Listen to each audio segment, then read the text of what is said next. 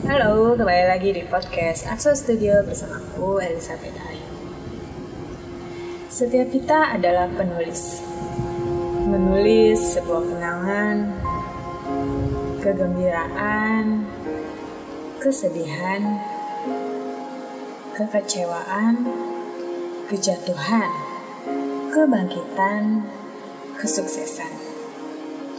Semua keputusan kita akan menjadi sebuah kisah yang tanpa kertas kita telah menulisnya. Sebuah goresan kisah yang menentukan apakah reaksi kita ketika kita membacanya kembali. Tak mudah dilupakan, tak mudah untuk dihadapi.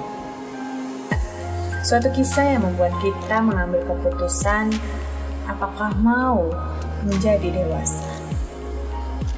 Setiap kisah yang telah tertulis menjadi guru untuk kisah selanjutnya, atau setiap kisah yang telah tertulis menjadi pisau bermata dua untuk menjadikan kita semakin terluka. Sampai jumpa lagi di podcast Aksa Studio bersama aku, Elizabeth